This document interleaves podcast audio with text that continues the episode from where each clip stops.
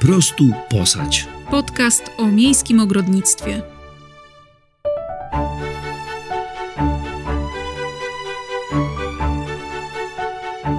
Cześć, jestem Joanna.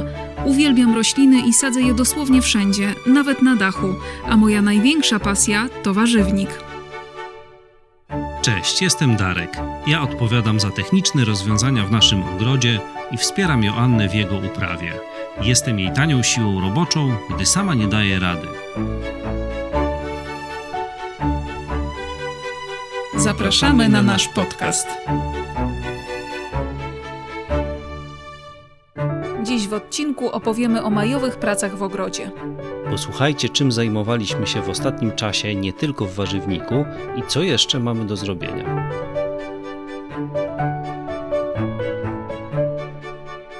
Wszystko mnie boli, dosłownie wszystko. Czuję każdy mięsień.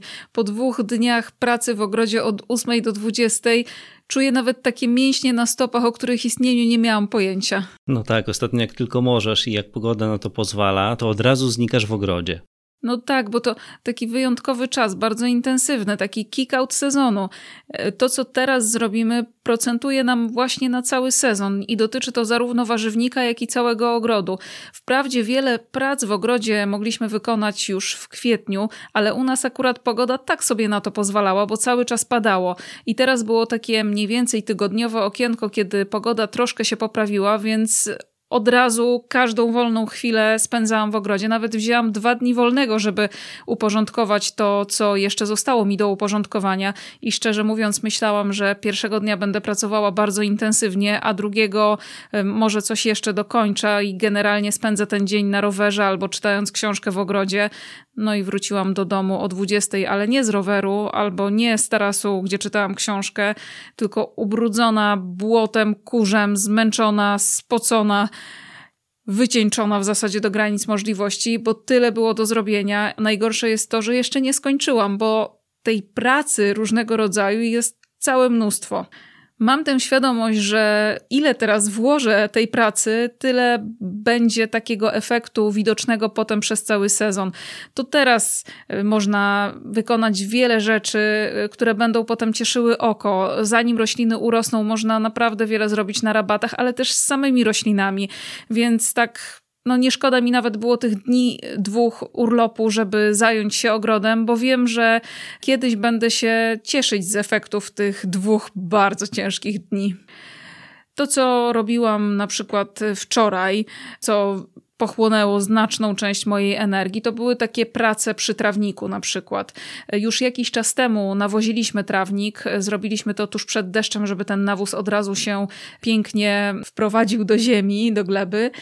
Natomiast e, zajmowałam się na przykład pierwszym koszeniem. Zwykle robimy to troszkę wcześniej, ale u nas było cały czas e, chłodno e, i ten trawnik wcale tak nie podrósł. I tak naprawdę dopiero w ostatnich dniach mogliśmy go skosić. Po koszeniu zajęłam się też na przykład wyrównywaniem krawędzi. To jest taka rzecz, którą ja robię zwykle ze dwa razy w sezonie. E, rzecz, która zajmuje mnóstwo czasu. Bardzo polecam takie e, porządkowanie krawędzi trawnika, wyrównanie po to, żeby ten trawnik wyraźnie odcinał się od rabat. I dostałam piękny sprzęt, super, który bardzo mi w tym pomógł. Zwykle zajmowało mi to kilka dni, takie wyczyszczenie krawędzi trawnika w całym naszym ogrodzie.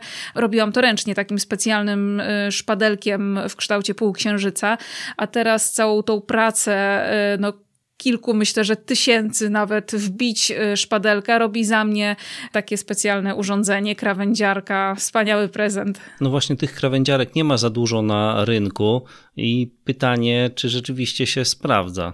Sprawdza się, trzeba mieć tylko wprawną rękę i wprawną nogę, żeby prowadzić ją y, no, po linii prostej. Warto sobie oczywiście zaznaczyć tę linię prostą, na przykład wbijając dwa patyczki i sznurek. Trzeba oczywiście uważać, żeby ta krawędziarka nie, nie wciągnęła w e, ten swój świderek tego sznurka. Natomiast no, to bardzo pomaga, bo to jednak no, ilość tych e, wbić tego szpadelka w ziemię jest no, niesamowita. Natomiast no, ta krawędziarka po prostu robi to za nas i nie boli noga, a jeszcze jest równo. Poza tym przy szpadelku w kształcie półksiężyca również trzeba mieć pewną rękę, pewną nogę i sznureczek. I sznureczek, dokładnie, tak. Myślę, że tą krawędziarką trzeba trochę poćwiczyć, ale widzę, że wiele osób się tym interesuje, bo jak e, wczoraj wrzuciłam informację na stories, e, zdjęcie właśnie takiej przyciętej krawędzi, to dostałam tyle pytań, co to za sprzęt, jakiej firmy, e, że widzę, że zainteresowanie jest ogromne. No, taki urodzinowy prezent dostałam naprawdę bardzo e, trafiony mm, i bardzo dziękuję tym, którzy mi go podarowali, bo no tak w punkt. Przycinałaś nie tylko krawędzie trawników, co jeszcze? No na przykład jeśli jeszcze jesteśmy przy trawniku, to zajmowałam się wyrywaniem chwastów z trawnika. E, jakoś nie przepadamy za używaniem chemicznych środków, które je zwalczają. Zresztą niektóre chwasty chcę, żeby były na naszym trawniku, jak na przykład piękne białe koniczynki, które kwitną i e, są prawdziwą ucztą dla pszczół. E, natomiast są też takie, których nie chcę i takimi są mlecze, które zostawione e, za chwilę zasiedlają cały trawnik, także pszczółkom e, zostawiamy mlecze w innych częściach naszego ogrodu, czy raczej może poza naszym ogrodem mają dużo różnego rodzaju pożytków tego typu. Natomiast te takie chwasty, które na przykład płożą, które bardzo szybko zajęłyby cały trawnik, to staram się ręcznie jednak wydłubywać no i tym właśnie się między innymi zajmowałam. Pierwsze koszenie już za nami, trawnik się pięknie zregenerował po zimie, natomiast chwilę mu to zajęło. Pierwszy raz w tym roku mieliśmy taką sytuację, gdzie było bardzo, bardzo dużo pleśni pośniegowej i widać, że ten trawnik naprawdę mocno odczuł to, że przez kilka miesięcy leżała na nim pokrywa śniegu. Był naprawdę biedny, ale no, wertykulacja, aeracja, dosiewka, y, nawóz, i jakoś powoli staje na swoje zielone nogi. Jeżeli chodzi o przycinanie, to z nożycami kręciłaś się też przy krzewach. Tak, to jest bardzo dobry moment, żeby przecinać te krzewy, które kwitły wiosną, jak forsycje. My może takich krzewów nie mamy aż tak dużo, natomiast mamy całą masę różnego rodzaju krzewów iglastych, które e, wymagają cięcia. E, przede wszystkim żywopłoty. My mamy w dwóch miejscach takie tujowe żywopłoty, które nie są jakąś, jakimś wielkim powodem dla mnie do radości. Dziś pewnie gdybym zakładała żywopłot, to sięgnęłabym po inne rośliny, natomiast one są, są już całkiem wysokie, przycinamy je ładnie e, na równo od góry, natomiast zajmuje to też trochę czasu. Przycinałam też żywopłoty takie z roślinami liściastymi, natomiast tak naprawdę najwięcej pracy, jeśli chodzi o przycinanie, to zajmowały mi te różnego rodzaju krzewy i liściaste, jak bukszpan, chyba to jest liściasty krzew, tak myślę, i iglaste, które formujemy od kilku lat, dlatego że na przykład urosły ogromne i y, staliśmy przed decyzją albo wyciąć, bo zawalały połowę ogrodu, albo przyciąć e, i dzięki czemu mamy fajne takie kształtowane iglaki.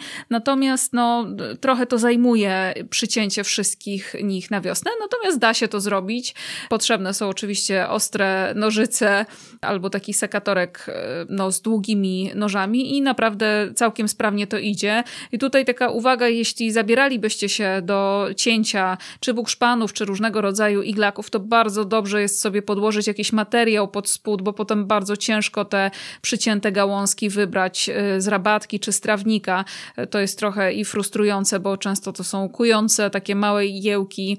No i tak naprawdę to są, bardzo drobne, więc one y, szpecą rabatę, potem zmieniają kolor na jakiś taki brązowy i, i to naprawdę widać, robi się taki chaos. Także lepiej podłożyć jakiś taki duży materiał i potem go zabrać razem z tym, co ścieliśmy. Rabaty to w ogóle jest taki temat też bardzo ważny w maju. Oczywiście już zdążyliśmy wczesną wiosną, gdzieś tam koniec marca, kwiecień, trochę te rabaty uprzątnąć, ale to były takie pierwsze porządki. Teraz jest taki moment, kiedy przede wszystkim trzeba te rabaty wypielić, bo u nas było chłodno, y, często padało. Natomiast o ile rośliny są, myślę, że jakieś dwa tygodnie do tyłu, jeśli chodzi o takie tempo wegetacji, o tyle chwasty zupełnie nie mają z tym tym problemu i rosną bardzo dorodne, więc za mną już pierwsze pielenie i zwykle tak to było, że właśnie gdzieś w maju e, zdążyłam pielić. E, natomiast e, Ćma bukszpanowa na przykład w zeszłym roku zjadła nam dużą część bukszpanów. Ona przyszła bardzo późno jesienią, kiedy już mało wychodziliśmy do ogrodu, bo jesienią, jeśli wracamy z pracy koło 17, to jest już w zasadzie ciemno, więc y, na ogród zostaje tak naprawdę weekend. Y, no i nie zauważyliśmy kolejnego z ataków ćmy i jak zaatakowała to już na całkiem poważnie i y, doszczętnie zniszczyła nam kilka bukszpanów i ja już stwierdziłam, że mam dosyć różnego rodzaju oprysków. Staraliśmy się z nią walczyć ekologicznymi metodami, ale pułapki feromonowe niestety łapią też inne pożyteczne owady i jakby nie widzę jakiejś wielkiej ich skuteczności, przynajmniej w naszym ogrodzie.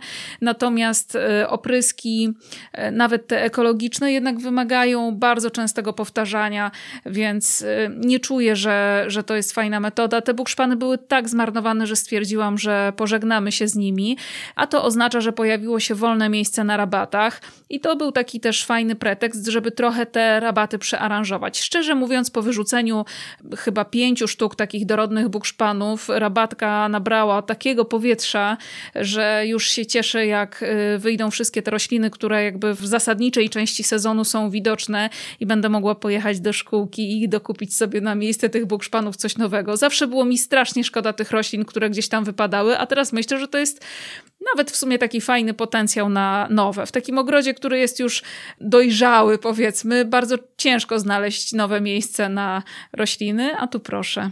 Czyli problem nie był z chorymi bukszpanami, tylko tak naprawdę nie miałaś pretekstu do tego, żeby sobie kupić i posadzić nowe rośliny. Nie, no one były tak e, strasznie zniszczone, że w zasadzie miały te gałązki, które ćma im obgryzła, one były zupełnie uschnięte, więc można było pewnie uratować e, te bukszpany, bo część gałązek była żywa, ale były to dosłownie pojedyncze e, gałązki. I gdybym je zostawiła, to musiałabym tak naprawdę ściąć ten bukszpan w pozostałej części do e, samej ziemi. No, to, to były takie bukszpanowe kule i stożki, więc no raczej nie wyglądało,by to e, estetycznie. Taka wykarczowana prawie roślina, trochę słabo, a szczególnie, że one rosły akurat naprzeciwko okna od salonu i naprzeciwko tarasu, także raczej w takim widocznym miejscu. E, chciałabym je zastąpić na przykład cisami, ale jakoś u nas ostatnio ciężko z dostępnością cisów i formowanych i nieformowanych, więc nie spodziewam się, żeby się udało. Ale jak już jesteśmy przy tych bylinach i rabatach, to to jest taki właśnie dobry moment, żeby jeśli macie taką ochotę, to żeby przearanżować troszkę te rabaty, podzielić byliny na przykład. E, teraz na przykład z jednej kępy hosty można sobie spokojnie zrobić cztery na przykład, jeśli jest ta kępa dorodna. E, można różnego rodzaju byliny, które kwitną jesienią, te, które dopiero gdzieś tam wypuszczają listki, to jest najlepszy moment, dlatego że bardzo mało widoczne będą różnego rodzaju uszkodzenia, które no, na pewno się pojawiają gdzieś tam przy korzonkach. Natomiast e, jeśli dzielicie taką dużą roślinę, to ona też, te liście są już skierowane w jakąś tam stronę, jest już w jakiś sposób ułożona, natomiast taka mm, świeża roślinka, która dopiero wypuszcza listki, jest jeszcze bardzo taka plastyczna, jeśli tak można powiedzieć o roślinie. No i oczywiście to jest też świetny moment, żeby na przykład dokupić sobie bylin, dosadzić e, w puste miejsca. W szkółkach roślin jest teraz bardzo duża oferta. Wszystko to, co się gdzieś tam hodowało w zeszłym sezonie, było jeszcze za małe, jest właśnie wystawione i można kupować. Także to są mm, taki naprawdę bardzo fajny czas. Koniec kwietnia, maj e, to chyba mój taki ulubiony czas w ogrodzie, chociaż tak naprawdę najbardziej ukwiecony i taki czas, kiedy ogród jest jeszcze taki świeży, a z drugiej strony już, już ma w sobie jakąś taką namiastkę pełni, to jest czerwiec. To jest chyba taki najbardziej ulubiony mój miesiąc z kolei pod kątem wyglądu ogrodu. Kwiecień, maj to z kolei taki czas, kiedy można napracować się w tym ogrodzie, a to jest coś, za czym ja na przykład zimą bardzo tęsknię. Bardzo dobry moment, maj na y, sadzenie roślin jednorocznych, czyli jakichś tam pelargonii, werben, y, nie wiem, wilczomleczy, bakopy, co jeszcze tam, fuksji na przykład, co wsadzamy do tych doniczek na tarasy, na balkony różnego rodzaju, jakieś kompozycje wiszące, stojące.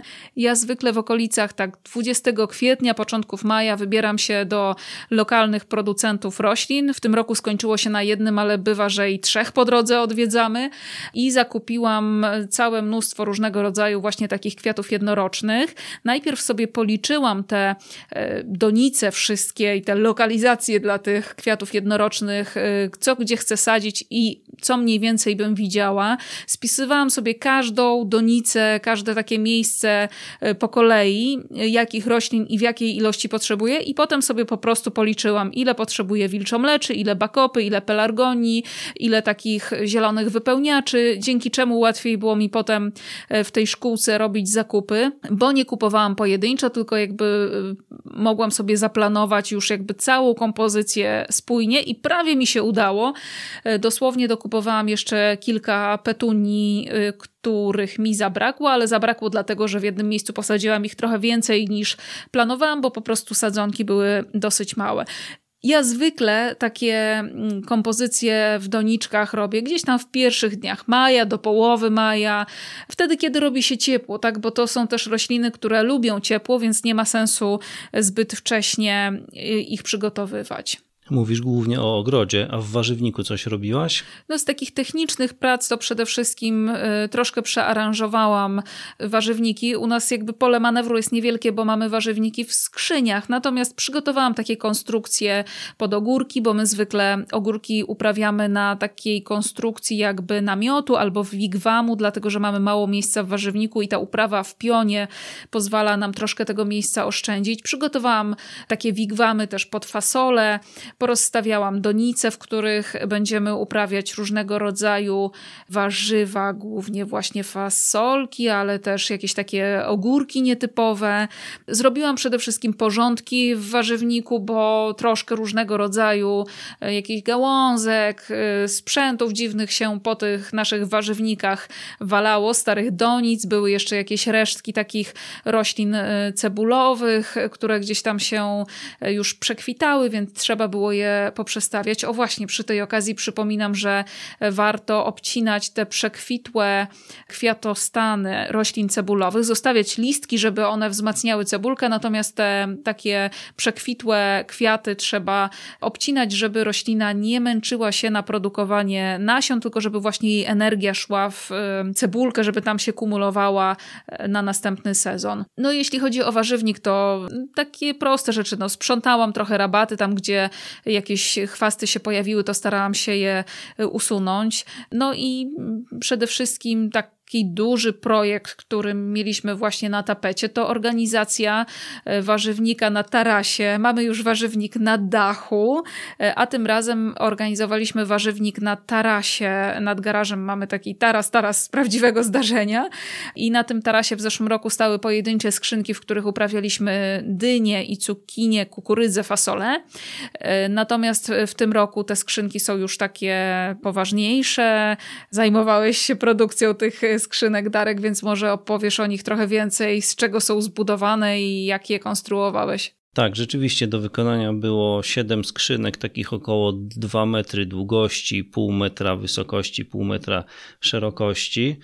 I jeżeli chodzi o to, jak do tego podejść, no to przede wszystkim e, proponuję na początek sobie to zaplanować, pójść na miejsce, obejrzeć, zastanowić się właśnie, ile tych skrzynek, jakich, w którym miejscu, tak żeby mniej więcej mieć wyobrażenie tego, co chcemy osiągnąć. Następnie trzeba sobie zorganizować materiały i narzędzia. Jeżeli chodzi o materiały, no to przede wszystkim deski i wkręty. To wszystko należy najpierw dobrze pomierzyć, na tej podstawie można się przygotować, no bo, bo można wymierzyć, ile dokładnie tego drewna potrzebujemy. Podobnie z wkrętami. Te skrzynie są proste w konstrukcji, one wyglądają podobnie, nawet jeżeli mają różną długość, to z reguły na każdą skrzynię wchodzi tyle samo wkrętów, więc można to sobie zaplanować i kupić z lekkim zapasem, po to, żeby uniknąć takich sytuacji, gdzie mamy wszystko rozłożone, na przykład na podjeździe, jesteśmy w trakcie roboty i nagle okazuje się, że e, brakuje nam 10 wkrętów i żeby te wkręty zdobyć, musimy posprzątać podjazd, żeby wydobyć samochód z garażu,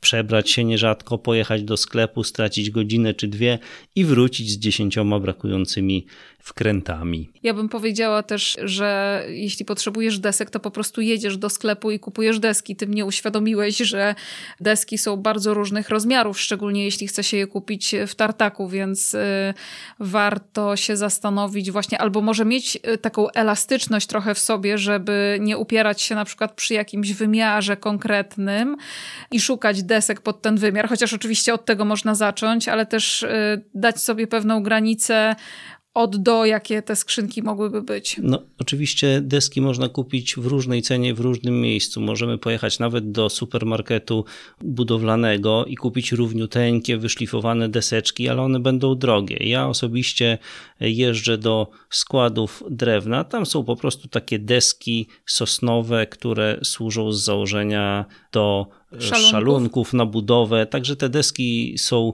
różnych wymiarów, ale jeżeli się spędzi trochę czasu z miarką, człowiek jest w stanie znaleźć tyle, ile trzeba. Tam na tych składach nie robią problemów, jeszcze dotną na takie długości, żeby to weszło w samochód. Pamiętajmy tylko, żeby docinać na trochę dłuższe długości niż nam są potrzebne. Jeżeli na przykład robimy skrzynię 1,80 m, to nie tnijmy tej deski na 1,80 m, tylko przynajmniej na 1,85 m, bo później będziemy już na miejscu dokładnie docinać i parę tych centymetrów zgubimy. No i tutaj jeszcze warto też sobie rozplanować te rzeczy, zaplanować, kiedy chcemy to zrobić, bo wbrew pozorom, mimo że te skrzynie są proste, no bo tam nie ma żadnej filozofii, tam są tylko kąty proste, natomiast zajmuje to więcej czasu niż się zdaje. Przede wszystkim trzy takie podstawowe etapy. Pierwszy to jest planowanie i zorganizowanie tych desek, wybranie, dowiezienie. Myślę, że na to trzeba zaplanować dzień, bez przesady. Drugi etap to jest właśnie przycinanie i skręcanie. I trzeci etap, który zajmuje o wiele więcej niż się można spodziewać, a z reguły go wykonujemy, to jest pomalowanie jakimś impregnatem. To zajmuje sporo czasu, także podzielić sobie na takie trzy etapy. I jeszcze teraz mówimy o pracach w maju. Ja to rzeczywiście robiłem w maju, pod koniec kwietnia, gdy już zaczynała się pogoda i mógłbym ten czas y, poświęcić na jakieś bardziej ciekawe prace ogrodowe, a niestety robiłem to teraz, więc jeżeli ktoś y, może zaplanować wcześniej, ma taką możliwość, że może sobie na przykład nawet w zimie y, w garażu czy w jakimś warsztacie robić, to lepiej ten zimowy czas na to poświęcić, bo później szkoda czasu. Mhm. To prawda, to jest, wydaje się proste, ale faktycznie roboty jest z tym bardzo dużo, a jeszcze musimy to wyłożyć folią, przytakerkować tą y, folię, wsypać tam keramzet, pojechać kupić keramzyt, wsypać go, wsypać ziemię i posadzić roślinę. Także to jest jeszcze, myślę, że y, co najmniej jeden dodatkowy dzień. I jeszcze połączyć z systemem nawadniania. A no tak. Ale to już. Tak. No ale potem za to, y, jaki będzie fajny warzywnik y, kolejny na miejscu, które było tak naprawdę niewykorzystane, bo trochę jak mieszka się w domu, to raczej mało korzysta się z tarasu takiego na piętrze, raczej korzysta się z y, ogrodu po prostu, nawet jeśli jest mały, to, to raczej z ogrodu. I takie niewykorzystane miejsce za chwilę będzie pełne zielonego życia. No właśnie, to ja zrobiłem skrzynię, a co ty zamierzasz w tych skrzyniach uprawiać? Będę tam uprawiać y, część tego, co uprawiałam w zeszłym roku, czyli przede wszystkim warzywa dyniowate. Na nie zawsze brakuje mi miejsca w ogrodzie, bo jednak mamy mało miejsca, niestety mały ogród. Także dynie będą sobie spokojnie płożyły się po tym tarasie i nie będzie z tym problemu. Do dyń dosadzę oczywiście e, fasolę, bo e, fasola z dynią bardzo lubi rosnąć. I jeszcze trzecia taka, tak zwane trzy siostry dynia, fasola i kukurydza. E, w zeszłym roku ta kompozycja świetnie mi się sprawdzała. Będę ją powtarzać w tym roku. Y, z tych roślin dyniowatych będę też tam uprawiać y, cukinie i patisony, także takie właśnie rośliny, które zajmują dużo miejsca i tego miejsca trochę mi było szkoda w y, dotychczasowych warzywnikach, ale oczywiście i cukinie i patisony zawsze miałam. Poza tym będę miała na pewno też pomidory, bo bardzo dużo odmian różnego rodzaju pomidorów mam w tym roku, chyba 48 jeśli dobrze pamiętam. Y, no i chciałam mieć każdego pomidora przynajmniej dwa krzaczki, żeby móc faktycznie y, sprawdzić, jak rośnie, jak się sprawdza w warunkach takich szklarnia, nie szklarnia. Także y, tych pomidorów mam trochę. Mam nadzieję, że w przyszłym roku ograniczę tę ilość Ja jestem na takim etapie poszukiwania tych odmian pomidorów, które nam szczególnie podchodzą i stąd jakby to testowanie. Mam nadzieję, że z roku na rok będzie zostawało coraz więcej tych odmian, które będę powtarzała, a coraz mniej tych takich eksperymentów, bo to jest jednak męczące i przygotowanie rozsady i potem przesadzanie tego do warzywnika, dbanie o to, żeby były wszystkie rośliny odpowiednio nawiezione, podlane i tak dalej. Także będę starała się jednak ograniczać tę ilość. Mam też Y, chyba siedem odmian bakłażanów y, i też chciałabym, żeby każda roślinka, czy każda odmiana miała przynajmniej dwie roślinki. No i sześć chyba odmian e, papryk i tutaj podobnie będę chciała dwa, w niektórych przypadkach nawet e, trzy krzaczki e, posadzić. Także myślę, że do tego przede wszystkim będzie mi służył ten taras. Na nim też będę chciała posadzić takie warzywa, które bardzo lubią ciepło, bo ten taras ma taką wystawę w wschód, południe powiedzmy, no i troszkę też y, na część zagląda zachodnie słońce. Jest jednak bardzo mocno taki nasłoneczniony, więc będę chciała tam uprawiać melony i będę chciała tam uprawiać bataty. Ja w zeszłym roku bataty posadziłam w troszkę zacienionym miejscu, takim ostatnim, które miałam wolne. Szczerze mówiąc, nie liczyłam na zbyt wiele, natomiast całkiem ładnie nam wyszły, ale wiem, że mogłyby wyjść lepiej, także dam batatom moim piękne słoneczne miejsce i spróbuję przynajmniej jednego batata uprawiać na balocie ze słomy. O tym piszę na blogu, jak e, taki e, balot można stworzyć, także jeśli macie ochotę, to zapraszam tam albo sobie po prostu poszukać w internecie. E, no zobaczymy, co z tego wyjdzie. Słoma już leży i czeka, także tylko skończymy robić te skrzynie i będzie można też gdzieś te kostki słomy ułożyć, wypełnić odrobiną ziemi i sprawdzić, jak mi będzie cokolwiek tam rosło w takim słomianym balocie. Czyli wiemy już, jakie masz plany co do nowego warzywnika. Jeśli chodzi o te dotychczasowe, to czy tam już wszystko masz posadzone? Zasadniczo tak. E, taki główny front się e, siewny, jeśli chodzi o warzywnik, miał miejsce w okolicach połowy kwietnia, 20 kwietnia. U nas w tym roku pogoda jest fatalna e, i tak staram się wstrzelać w takie dni, kiedy e, pozwala pogoda nam cokolwiek posiać. Natomiast to wszystko słabiutko rośnie. Naprawdę warzywnik o tej porze roku wygląda pusto. Zawsze już był taki tętniący e, życiem. Tych roślin było już dużo, wszystko skiełkowane. Teraz jest naprawdę słabiutko, ale powoli, powoli się zaczynają te warzywa już pojawiać. Część warzyw już też sadziłam takich, które niekoniecznie jakoś mocno kochają chłody, ale już pogoda na to pozwoliła. Natomiast te takie zasadnicze warzywa ciepłolubne jak dynie, kukurydza, pomidory, ogórki, powoli już też wyprowadzam na zewnątrz. Ja w tym roku posadziłam pomidory troszkę wcześniej niż zwykle to robię. Zwykle mm, pomidory do szklarni idą w okolicach, no mniej więcej tam czasami początku maja, czasami 10 maja. Natomiast do gruntu pomidory sadzę najwcześniej 15 maja. Natomiast w tym roku wygląda na to, że ta pogoda będzie całkiem niezła, przynajmniej jeśli chodzi o temperaturę. Niestety do końca maja ma sporo u nas padać, ale postanowiłam e, właśnie w okolicach 12 maja wyprowadzić już na zewnątrz część pomidorów. E, oczywiście część już rośnie od e, kilku przynajmniej dni w szklarni, natomiast pomidory do gruntu, powiedzmy, chociaż ten nasz grunt to nie jest taki typowy grunt na poziomie ziemi, tylko jest to, są to skrzynie na e, warzywniku na dachu, czyli to jest jednak no, te 3 metry nad ziemią przynajmniej. I dodatkowo jeszcze e, te pomidory są osłonięte taką konstrukcją na drewnianych listewkach, jest taka jakby nadstawka, osłonięte flizeliną i od góry osłonięte też folią po to, żeby deszcz ich, e, ten właśnie, który zapowiadano wcześniej, żeby ich nie moczył za bardzo, także mają troszkę cieplej niż takie pomidory typowo gruntowe, ale w nocy generalnie prognozy mówią cały czas o mniej więcej okolicach 10, czasami w tam dwa dni chyba spadnie temperatura do 8 stopni, także no lepiej, żeby długo tych 8 stopni nie było, natomiast pozostałe dni tam 12-10 stopni powinno być ok. Te 10-12 stopni to jest taka granica dla pomidorów, żeby jeszcze jako tako dobrze się czuły. Oczywiście wolałyby więcej, ale też te te niskie temperatury nie są oczywiście przez całą noc, tylko tam powiedzmy przez godzinę czy przez dwie godziny w nocy, także powinny sobie poradzić. Więc ja w tym roku generalnie pomidory wysiałam przed, wysadziłam e, do, do tego właśnie naszego gruntu, czyli skrzyń na tarasie przed zimną Zośką, no i trzymam kciuki, żeby e, było dobrze. Natomiast te pomidory, które pójdą do skrzyń, ale bez żadnej osłony, jeszcze są w domu pod lampami, wynoszę je na zewnątrz jak tylko mogę, żeby też się hartowały. Natomiast bez takiej osłony bałabym się mimo wszystko ze względu na tę jednak stosunkowo niską temperaturę, też yy, spore ilości deszczu zapowiadanego na maj. No bałabym się jednak je już teraz wyprowadzać.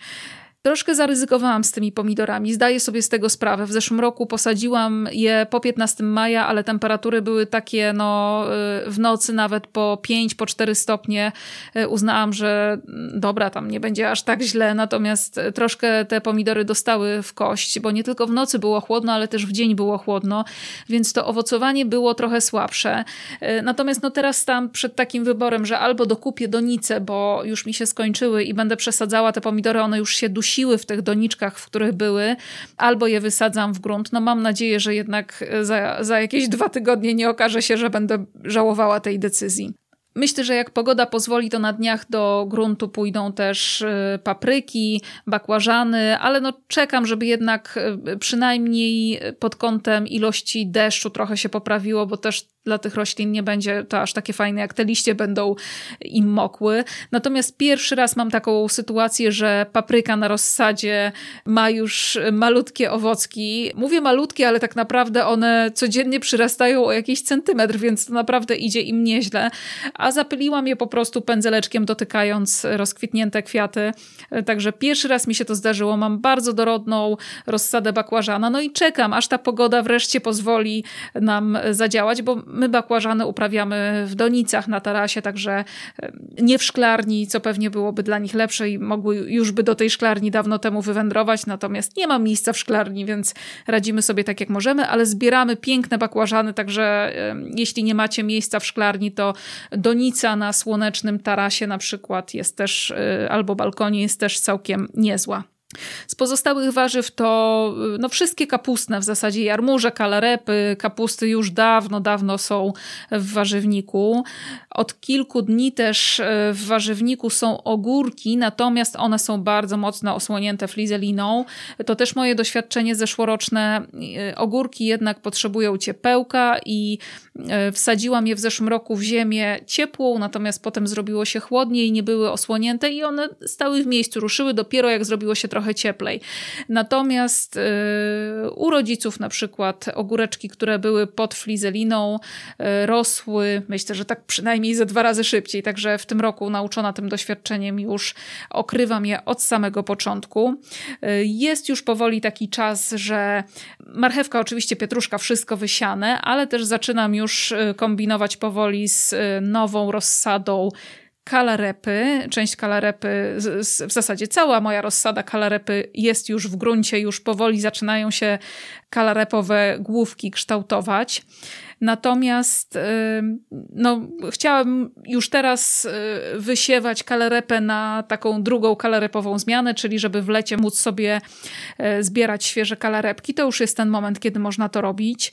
Fasolki oczywiście rozsadę też już przygotowuję, ale czekam z jej wysadzeniem, aż zrobi się ciutkę cieplej, żeby jednak od razu dostała taki mocną dawkę słonecznej energii na start. Także myślę, że jeśli chodzi o warzywnik, to w okolicach tak 20 maja to już wszystko, wszystko, co e, powinno być na zewnątrz 20, może 25 e, będzie już sobie spokojnie rosło.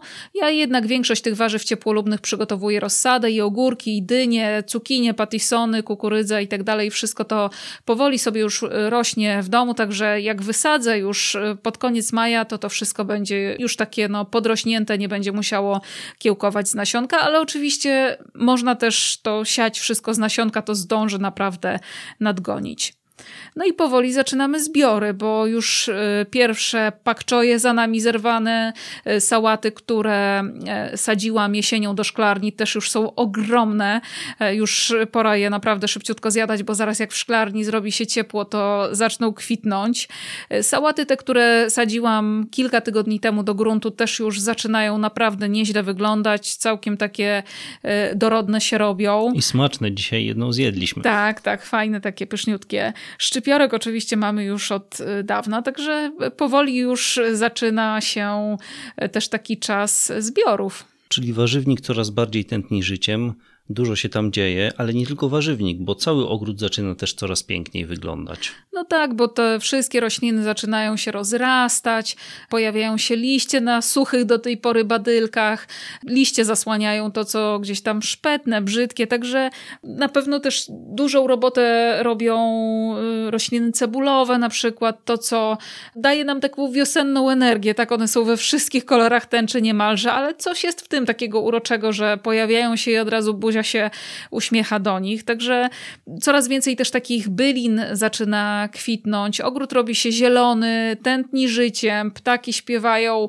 e, drzewa kwitną, no nic tylko usiąść, wsłuchiwać się i wywąchiwać w ten właśnie ogród. Czyli nie pozostaje nic innego, jak rozwieścić jeszcze hamak, huśtawkę i można zaczynać chillout w ogrodzie. No tak, i trochę nam wszystkim tego życzę, żebyśmy mieli czas na e, tego typu odpoczynek w ogrodzie. Trochę tak jesteśmy wszyscy zagonieni i, i pracą, i to, tymi pracami w ogrodzie, i sama siebie złapałam na tym, że po prostu idę po ogrodzie i cały czas szukam jakiejś roboty do zrobienia. Nie mam czasu nawet zrobić e, zdjęć, e, a wszystko to jednak bardzo szybko też przekwita, bo szczególnie ostatnie dni były takie gorące, więc nie zauważyłam nawet, kiedy nam zakwitły piękne psi zęby, czyli takie rośliny, które wyglądają jak takie malutkie lilijki, są przepiękne. Jak je zauważyłam, że kwitną, to już połowa kwiatów była taka obeschnięta, przekwitła. Więc y, życzę Wam wszystkim, żebyście jednak, i sobie też tego życzę, żebyśmy mieli y, taki czas, żeby pospacerować trochę po ogrodzie, czasami przykucnąć albo klęknąć przy jakiejś roślinie, przyjrzeć się jej troszkę z bliska. Pomaga w tym na pewno robienie zdjęć ogrodu. Warto też ogólnie robić zdjęcia, żeby zobaczyć, jak ten ogród wygląda w poszczególnych porach roku. Może to Was zainspiruje do jakichś zmian, rearanżacji, a na pewno jesienią pomoże w y, wyborze miejsca, gdzie na przykład trzeba dosadzić rośliny cebulowe kwitnące wiosną. Ja już widzę jedną taką rabatę, która jest zero tulipanów. Nie wiem, czy coś tam wyjadło, czy ja po prostu e, sadząc nie pomyślałam, że e, tam ich brakuje, więc są iglaki, jest zielono, natomiast zupełnie, zupełnie nie ma tych wiosennych kwiatów na niej.